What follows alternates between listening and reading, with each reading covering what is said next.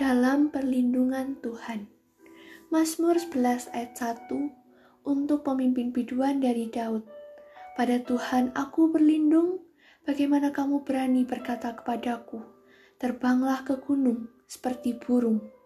Dalam suatu peperangan, tempat yang paling aman adalah benteng perlindungan. Dunia adalah medan peperangan, karena setiap hari kita harus berjuang melawan hawa nafsu, berjuang hidup benar, berjuang menghadapi badai persoalan, bahkan berjuang melawan penghulu-penghulu di udara dan roh-roh jahat di udara.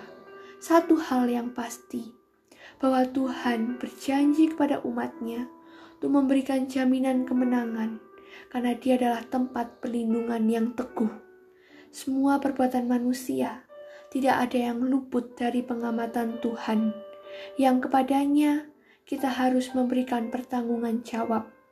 Tuhan memberikan jaminan perlindungan kepada orang-orang yang hidup dalam ketulusan hati, sebab Tuhan adalah adil dan Ia mengasihi keadilan. Orang yang tulus akan memandang wajahnya.